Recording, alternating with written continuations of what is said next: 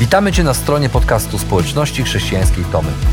Mamy nadzieję, że rozważanie, które za chwilę usłyszysz, zainspiruje Cię do zrobienia kolejnego kroku w Twojej relacji z Bogiem. Bo w naszej społeczności zapraszamy wszystkich do relacji z Chrystusem, który zmienia wszystko. Dziękujemy za Twoje zainteresowanie i zapraszamy Cię do polubienia naszego profilu na Facebooku, Instagramie i YouTubie oraz ściągnięcia darmowej aplikacji na smartfona. Dobrego słuchania.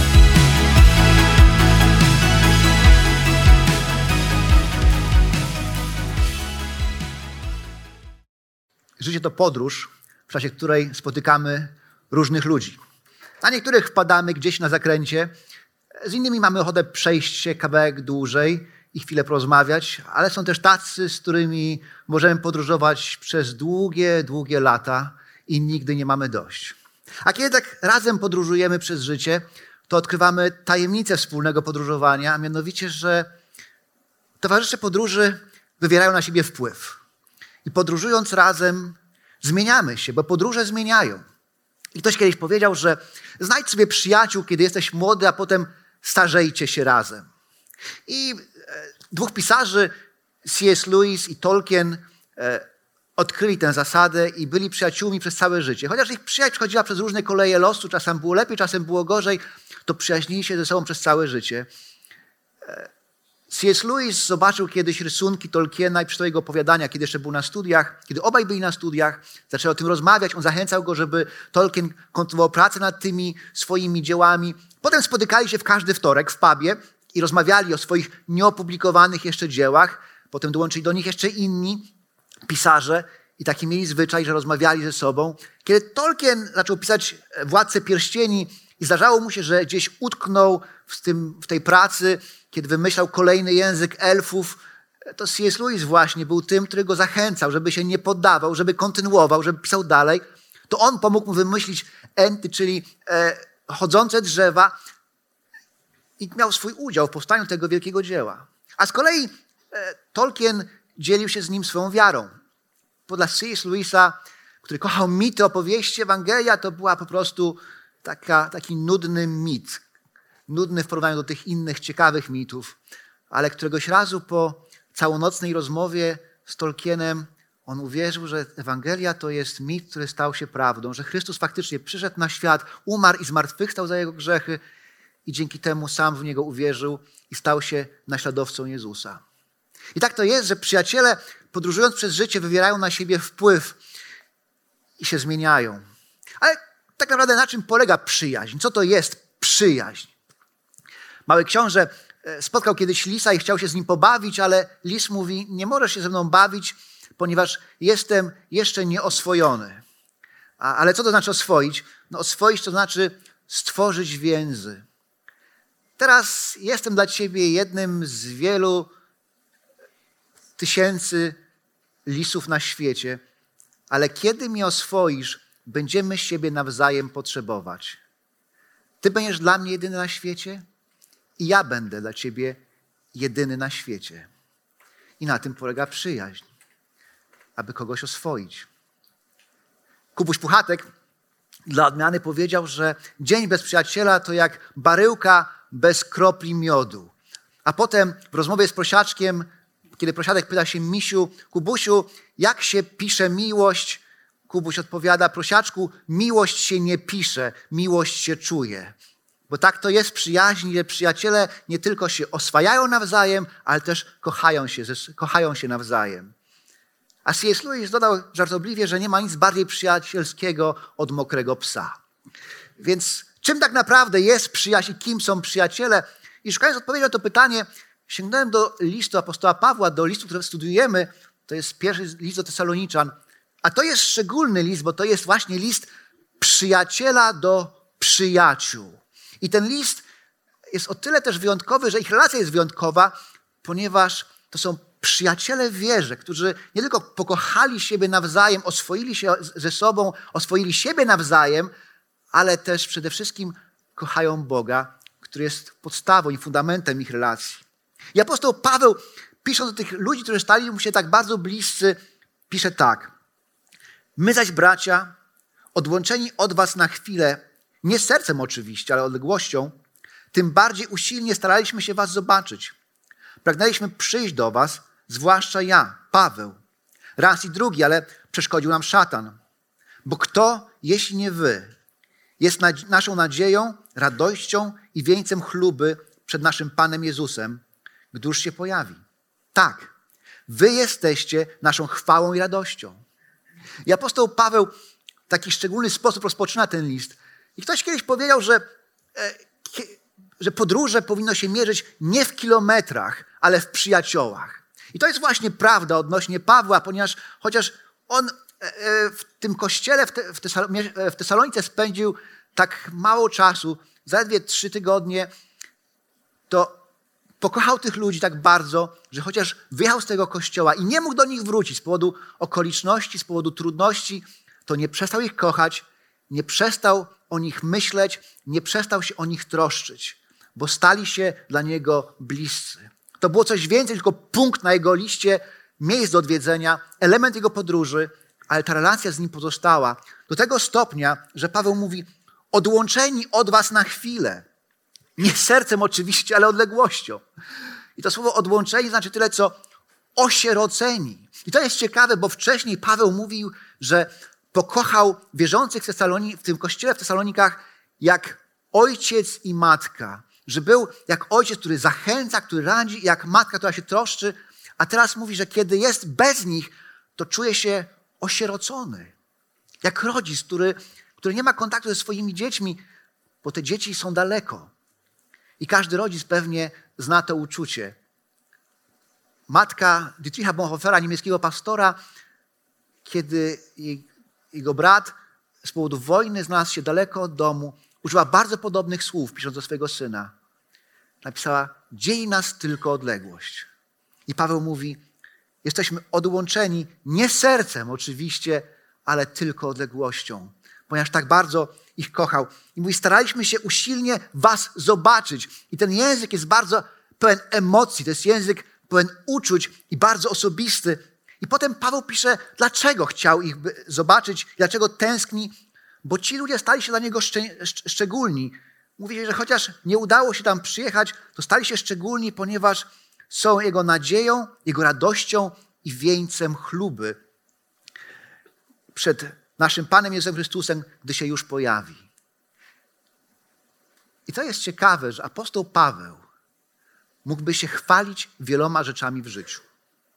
Mógłby się chwalić swoim pochodzeniem, swoim wykształceniem, tym, że miał rzymskie obywatelstwo, mógłby się chwalić swoimi znajomościami, w końcu mógłby się chwalić tym, że jest apostołem, który widział zmartwychwstałego Chrystusa, a on mówi: To wy jesteście moim wieńcem chluby, moim wieńcem chwały. Jesteście tym medalem olimpijskim, którym będę się chwalił, kiedy stanę pewnego dnia przed Chrystusem. Jesteście tą nagrodą.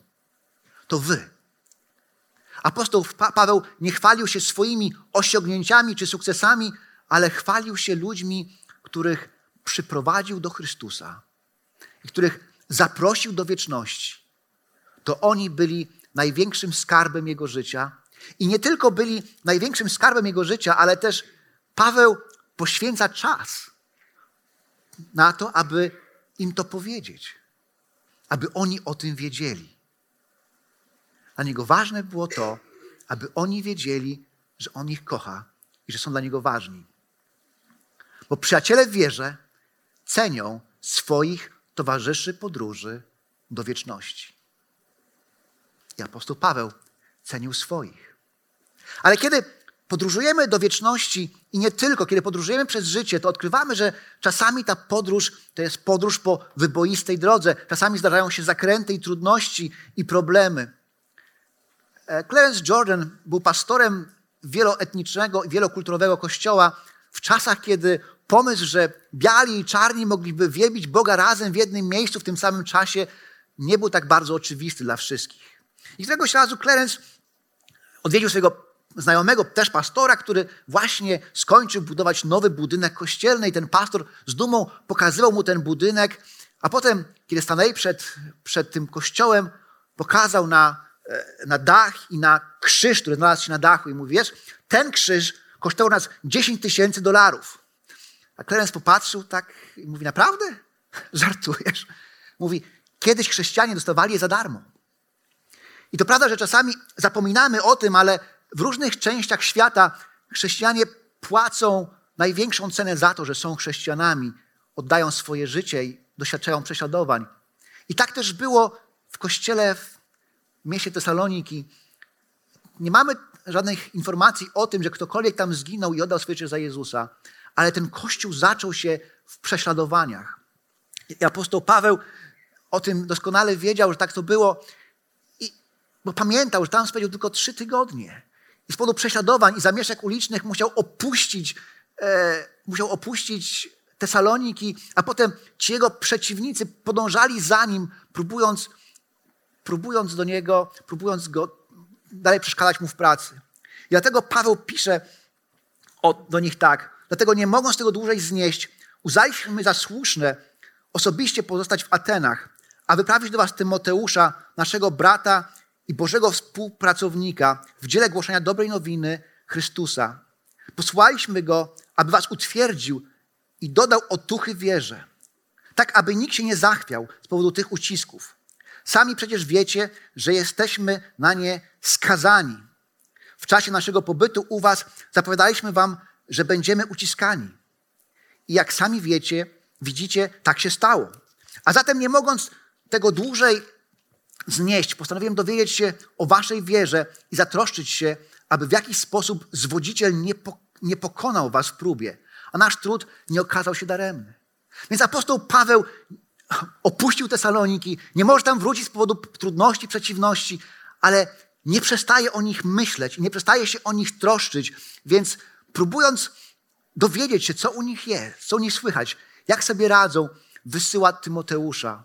Bo Paweł nie potrafi znieść tej myśli, że oni tam zostają sami, bez opieki, w miejscu pełnym prześladowań, trudności i być może, być może grozi im niebezpieczeństwo, a może z powodu tych wszystkich trudności odwrócili się od Chrystusa, odwrócili się od swojej wiary. A Paweł doskonale wie, że trudno jest być nowym chrześcijaninem we wrogim i nieprzyjaznym miejscu. Dlatego wysyła Tymoteusza, aby się dowiedział, co u nich słychać i aby ich zachęcił. Bo Paweł wie, że oni potrzebują zachęty. I prawda jest taka, że nie tylko oni, ale każdy z nas potrzebuje zachęty.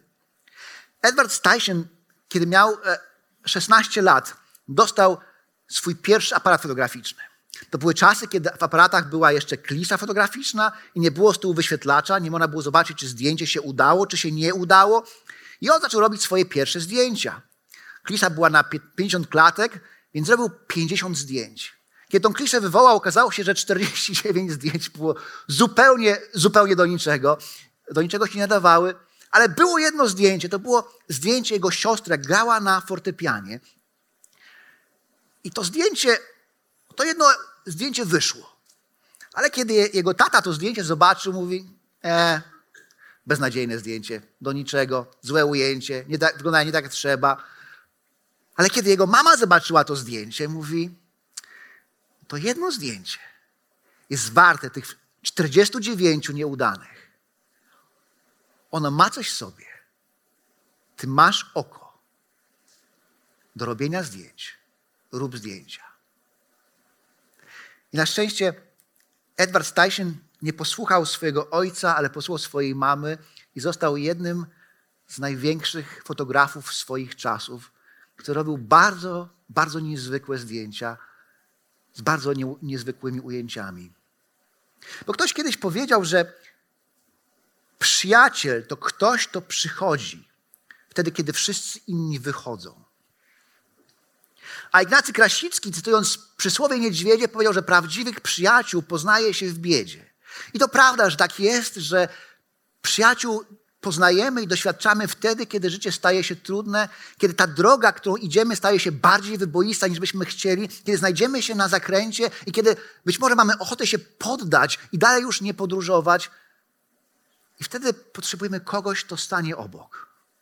Kogoś, kto zachęci, kogoś, kto pokrzepi, to powie dobre słowo albo po prostu będzie.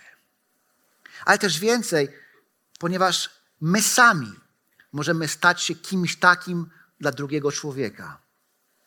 Kimś, kto stanie obok i zachęci, aby się nie poddawać. Bo czasem, bo czasem stawka jest wysoka. Czasem to poddanie się może znaczyć, że ktoś nie zostanie dobrym fotografem. Ale w przypadku Tesaloniczan poddanie się to była kwestia życia lub śmierci. Bo poddanie się oznaczałoby odwrócenie się od Chrystusa i spędzenie wieczności bez Niego. A więc czasem ta stawka jest bardzo wysoka i dlatego wszyscy potrzebujemy zachęty. Potrzebujemy odbierać zachętę i potrzebujemy dawać zachętę. I apostoł Paweł to robił, bo on rozumiał, że przyjaciele w wierze nie opuszczają nawet na wyboistej drodze, ale podróżują razem. A kiedy tak podróżujemy z kimś przez życie i budujemy relacje, to czasem w tych relacjach możemy być po prostu zaskoczeni. Bo kiedy czytamy ten list i tę historię, to możemy mieć wrażenie, że ta relacja Pawła z wierzącymi e, w Tesalonikach to była taka droga jednokierunkowa. To on przyjechał do nich, głosił Ewangelię, to on potem o nich myślał, modlił się, to on wysłał Tymoteusza, aby ich zachęcić, a potem napisał list, żeby jeszcze bardziej ich zachęcić, to on się o nich troszczył. Ale kiedy czytamy ten list i to, co on do nich pisze, okazuje się, że być może sam Paweł był zaskoczony tym, co się wydarzyło, bo to wcale nie była relacja jednokierunkowa i droga jednokierunkowa. Paweł pisze dalej tak, właśnie wrócił od was Tymoteusz, Przyniósł nam dobre wieści o waszej wierze i miłości. Powiedział też, że dobrze nas wspominacie i pragniecie nas zobaczyć. My was również. Przy wszystkich naszych cierpieniach i zmartwieniach wieści o waszej wierze naprawdę podniosły nas na duchu, bracia. Teraz żyjemy, skoro wy trwacie w Panu. Jakże tu w pełni wyrazić wdzięczność Bogu za was? Jak podziękować za całą radość, której doznajemy z powodu z waszego powodu przed naszym Bogiem. Dniami i nocami usilnie modlimy się o to, aby was zobaczyć i uzupełnić braki waszej wiary. Apostoł Paweł zachęcał, modlił się, myślał, wysłał Tymoteusza, pisał list. Ale okazało się, że to wszystko, co robił, nie tylko nie było daremne, ale też przyniosło jemu samemu zachętę. Ponieważ Tymoteusz wraca z Tesalonik i przynosi dobre wieści. Dobre wieści o tym, że wierzący tam trwają w Chrystusie, że dalej wierzą i nie tylko trwają w Chrystusie, nie tylko trwają w wierze, ale chcą zobaczyć Pawła i za nim tęsknią. Co wcale nie było takie oczywiste, ponieważ wiele kościołów, które Paweł założył, zaczęło słuchać fałszywych nauczycieli i w jakimś momencie odwracać się od Pawła. I wcale nie chcieli go zobaczyć. A ci nie tylko nie odwrócili się od Chrystusa, nie tylko w Niego wierzą, ale też chcą zobaczyć Pawła i ciągle go kochają i za nim tęsknią. I Paweł mówi, że te dobre wieści o ich wierze były zachętą dla niego w jego trudnościach, kiedy zmagał się ze swoją trudną pracą i w jego cierpieniach te wieści podniosły go na duchu do tego stopnia, że mówi: Teraz żyjemy, bo wy trwacie w Panu. W dziejach apostolskich, kiedy jest wzmianka o tej właśnie sytuacji, czytamy, że kiedy Tymoteusz przybył do Pawła i się z nim spotkał i powiedział o tym, co dzieje się w Tesalonikach, napisane jest, że Paweł, słysząc to, całkowicie poświęcił się głoszeniu Ewangelii. Nabrał wiatru w żagle. Teraz może pracować, bo wie, że oni trwają w Bogu. I to, co ciekawe, ten Paweł, ten wygadany Paweł, któremu nigdy słów nie brakowało, teraz na końcu próbuje się modlić o nich i dziękować Bogu i mówi, jak mam za was dziękować? Nawet nie wiem. Bo jestem tak bardzo wdzięczny, że nie mogę znaleźć właściwych słów, aby podziękować za was i za zachętę, której doświadczyłem od was. Bo to ta relacja to nie była droga jednokierunkowa, ale droga dwukierunkowa. To była sztuka brania i dawania. A to zupełnie tak jak w historii Helen Keller. Helen Keller straciła wzrok i słuch, kiedy miała półtora roku.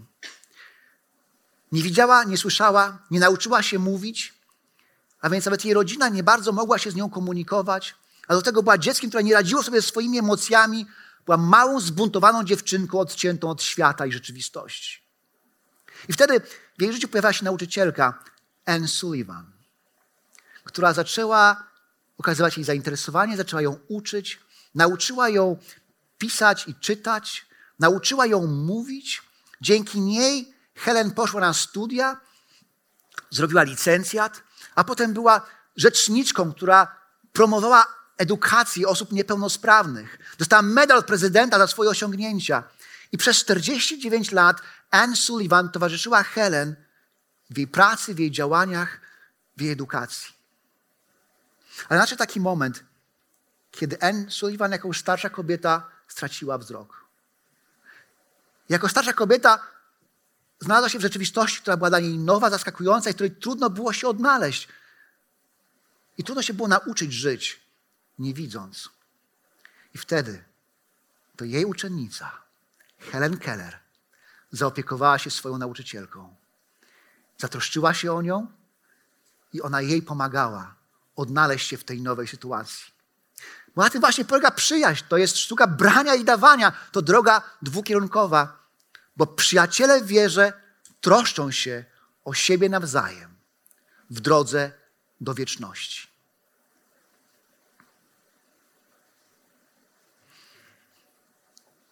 I to prawda, że tak wygląda przyjaźń. Jednak ktoś by powiedział, że nawet w klubie golfowym można spotkać ludzi, którzy cenią swoich towarzyszy podróży, swoich współgraczy, którzy potrafią się zachęcać, którzy nie opuszczają, kiedy są trudności i którzy troszczą się o siebie i pomagają w chwilach, kiedy tego potrzebujemy. Jednak kiedy czytamy ten tekst i te słowa Pawła, odkrywamy, że ta przyjaźń, o której on pisze, jest bardzo wyjątkowa, jest bardzo unikalna. Bo gdybyśmy wzięli flamaster albo ołówek i podkreślali słowa, które się powtarzają, to w tym tekście aż pięć razy Paweł mówi o wierze. Mówi o tym, że wysłał Tymoteusza, aby ich utwierdził i dodał otuchy w ich wierze. Mówi, że postanowił do, postanowiłem dowiedzieć się o waszej wierze. Potem Tymoteusz przychodzi i przynosi dobre wieści o waszej wierze. A wieści o waszej wierze naprawdę podniosły nas na duchu. A potem mówi, że modli się o to, aby uzupełnić braki waszej wiary. A więc tak naprawdę fundamentem tej relacji, o której pisze Paweł, nie są tylko wspólne zainteresowania, to, że mamy pasujące osobowości, że lubimy ze sobą spędzać czas, ale fundamentem jest wiara w Jezusa Chrystusa, która jest największym skarbem, jaki mamy, bo to dzięki tej wierze i tej relacji zmienił się kierunek naszego życia. To ta wiara w Chrystusa nadała nowy sens naszemu życiu. To dzięki tej wierze odkryliśmy relację z Bogiem, ale też dzięki temu odkryliśmy siebie nawzajem. I to właśnie ten skarb sprawia, że ludzie, którzy kiedyś byli sobie obcy, nagle stają się sobie bliscy. I dlatego Paweł, myśląc o tej wierze, mówi: Jeżeli czegoś jeszcze Wam brakuje, to będę się modlił, aby uzupełnić braki w tej wierze. I mówi tak: Oby sam Bóg, nasz Ojciec i nasz Pan Jezus, wyprostował naszą drogę do Was. Was natomiast, oby Pan jeszcze bardziej i jeszcze obficiej wypełnił wzajemną miłością, taką, jaką my Was darzymy. Oby też, oby przez to utwierdził Wasze nienaganne serca w poświęceniu przed naszym Bogiem, naszym Ojcem, na czas przyjścia naszego Pana Jezusa ze wszystkimi Jego świętymi. I Paweł, kończąc ten fragment, modli się o wierzących w Tesalonikach i modli się znowu o to samo, żebyśmy mogli się zobaczyć wreszcie, żebyśmy mogli się spotkać. Ale modli się też o dwie rzeczy. O miłość, aby oni zarazili się tą samą postawą, którą On ma i nauczyli się tak kochać siebie nawzajem, jak On ich kocha. Aby stali się prawdziwymi przyjaciółmi w wierze. Ale też modli się o to, aby Bóg utwierdził ich nienaganne serca. I słowo nienaganny znaczy tyle, co bez domieszek, bez zanieczyszczeń, niezmieszany. Taki przejrzysty, przezroczysty, czysty.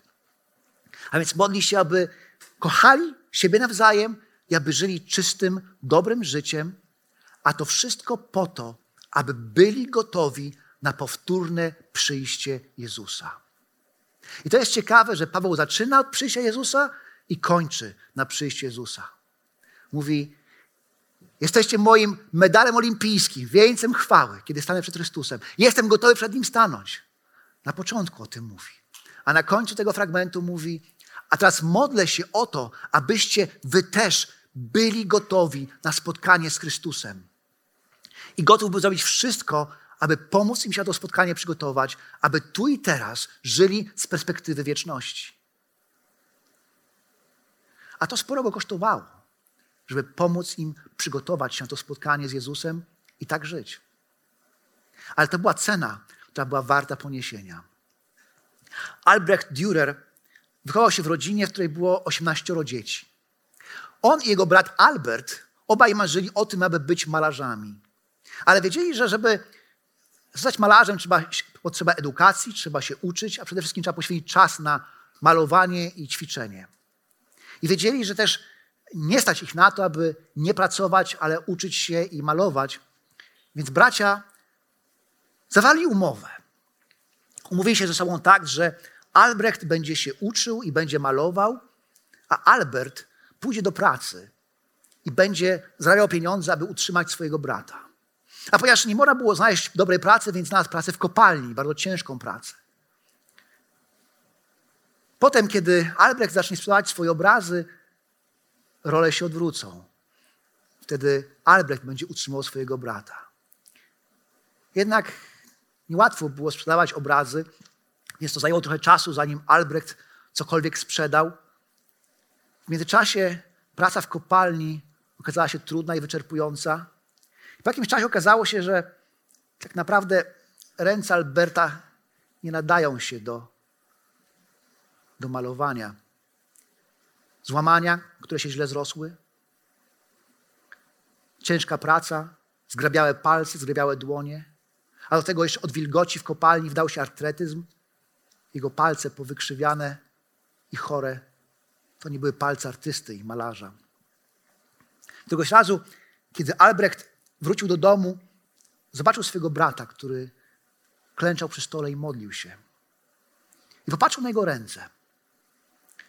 I pomyślał sobie, nie mogę już zwrócić rąk swojemu bratu, ale mogę je narysować. I narysował jedno ze swoich znanych dzieł, Ręce w modlitwie. I to dzieło było podziękowaniem dla jego brata za to, co zrobił ale też było przypomnieniem dla niego samego, że jego brat zrobił wszystko, co tylko mógł, aby pomóc mu się rozwijać, aby pomóc mu zrobić krok naprzód. I to samo zrobił Paweł dla Tesaloniczan. Zrobił wszystko, co tylko mógł, aby przygotować ich na wieczność. Zrobił wszystko, co tylko mógł, aby przygotować ich na spotkanie z Chrystusem. I kiedy się wsłuchujemy w ten tekst, to odkrywamy prostą prawdę a mianowicie to, że Chrystus posługuje się naszymi ludzkimi przyjaźniami, abyśmy nauczyli się, jak być Jego przyjaciółmi i byli gotowi na spotkanie z Nim. A jeśli to prawda, to jakim przyjacielem dzisiaj jesteś?